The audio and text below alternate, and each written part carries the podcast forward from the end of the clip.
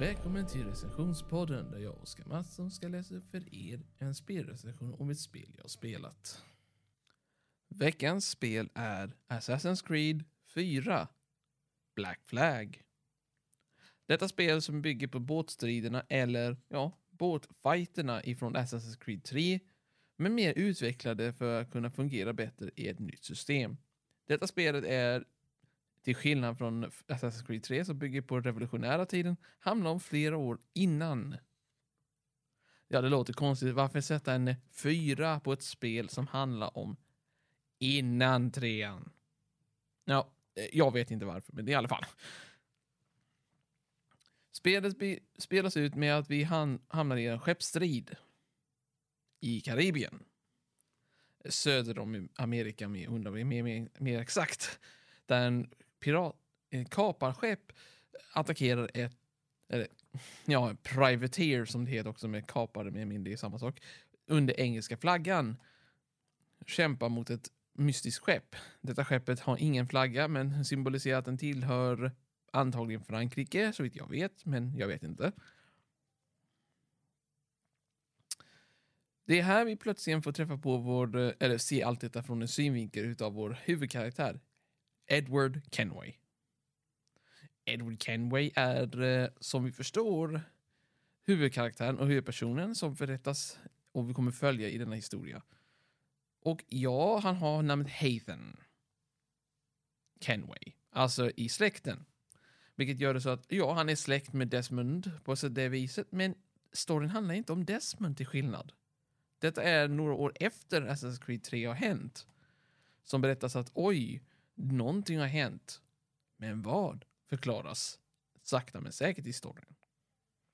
Du är en anställd i Abstergo, en spelbolag som eh, jobbar med att göra ett spel utav historien.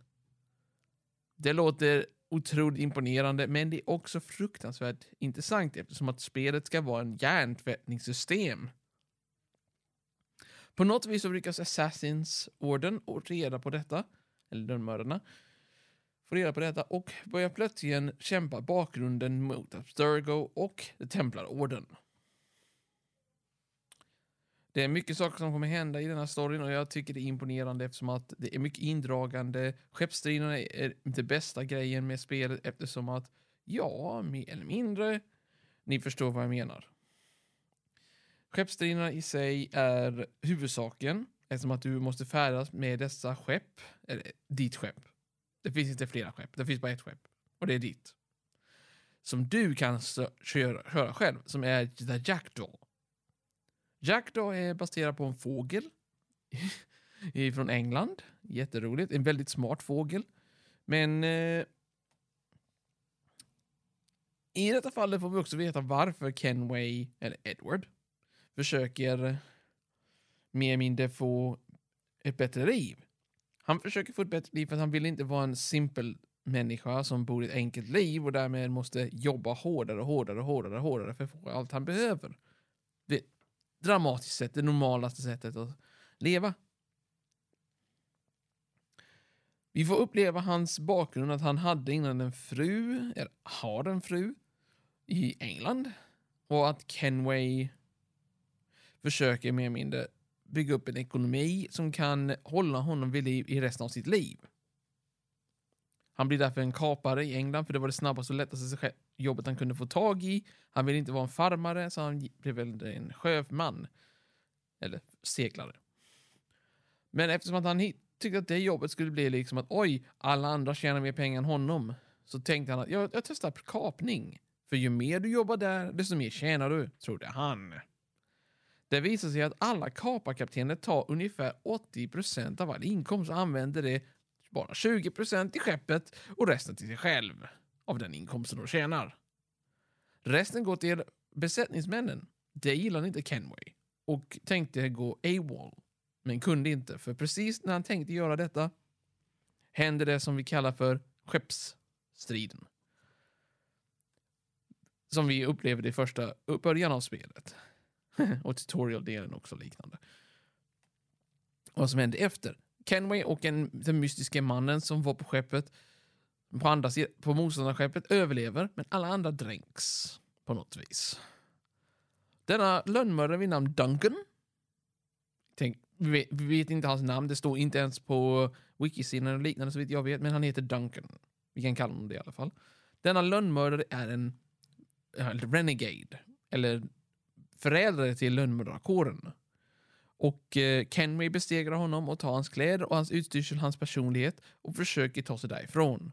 För han upptäcker att oj, jag kan tjäna mer pengar om jag byter personlighet så jag ser ut som Ken Duncan istället. Dock leder detta till många mer problem och Edward blir tvungen att eh, ja, kämpa hårdare och hårdare. För att hålla sin hemlighet säker. Oh boy. Men i alla fall. På vägen därifrån så möter han Stade Bonnet. En eh, blivandes, en för detta smugglare, blivande pirat. Om ni känner till honom i historien så är Stade Bonnet den enda piraten som någonsin började som smugglare och blev pirat. På ett minimaliskt sätt. Han var väldigt intressant som person i spelet tyckte jag i alla fall. Huvudsakligen var det att han eh, mer eller mindre var mycket glad. Jag menar, va? en glad pirat, det ser man ofta.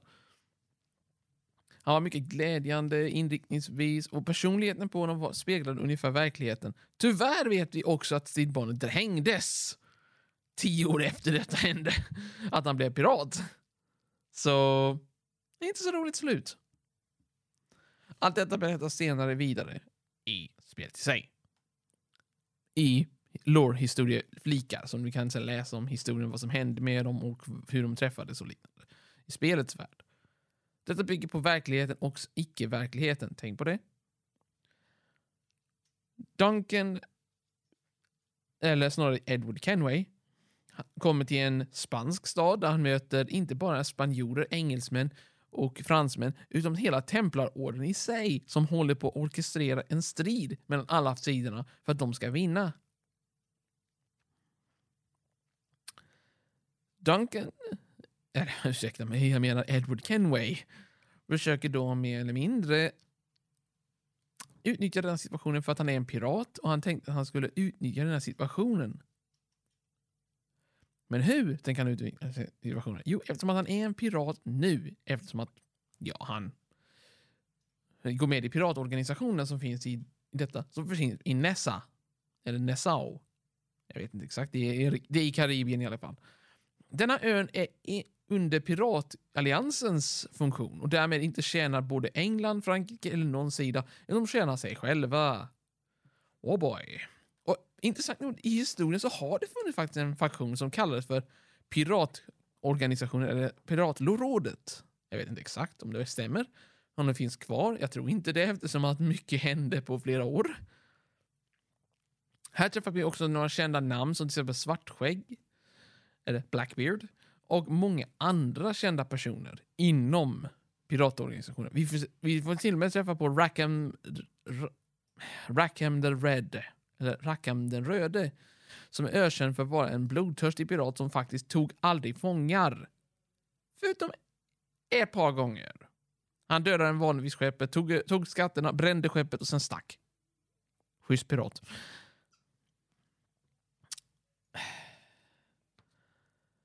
Allt detta spelas ut i under 1600-talet, ungefär, säger jag som information. Det vill säga är några år innan, Eh, jag tror det var 100 år innan till och med Assassin's Creed 3. Eh, nu vill jag ge er mitt betyg och orsaker till varför detta spelet är bra.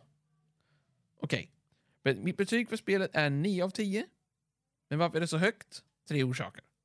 Orsak 1. Spelet är byggt på nästan allt som Assassin's Creeds skeppssystem som alla gillade mest i spelet. 2. Pirater som faktiskt inte handlar om skatter och drickande.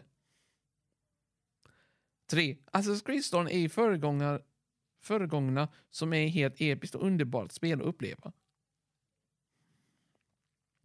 Alla dessa tre orsaker gör spelet värt att spela i min tanke. Om nu, om nu Ubisoft skulle uppdatera spelet till bättre grafik, vilket de kommer antagligen göra med tanke på att det var ett lyckat spel, Men jag tror inte det kommer hända än på ett tag. Långt tag eftersom att tekniken är fortfarande funktionsduglig med. Så skulle jag ge faktiskt bara spelet ännu högre betyg. Men varför jag ger det så här högt? Jag har inte högre, är därför jag aldrig lyckats spela ut spelet helt, personligen. Jag ska ändå försöka igen. Problemet är bara det att om jag av misstag dödar spelet, eller dödar speldatorn jag använder, så kommer spelfilerna försvinna.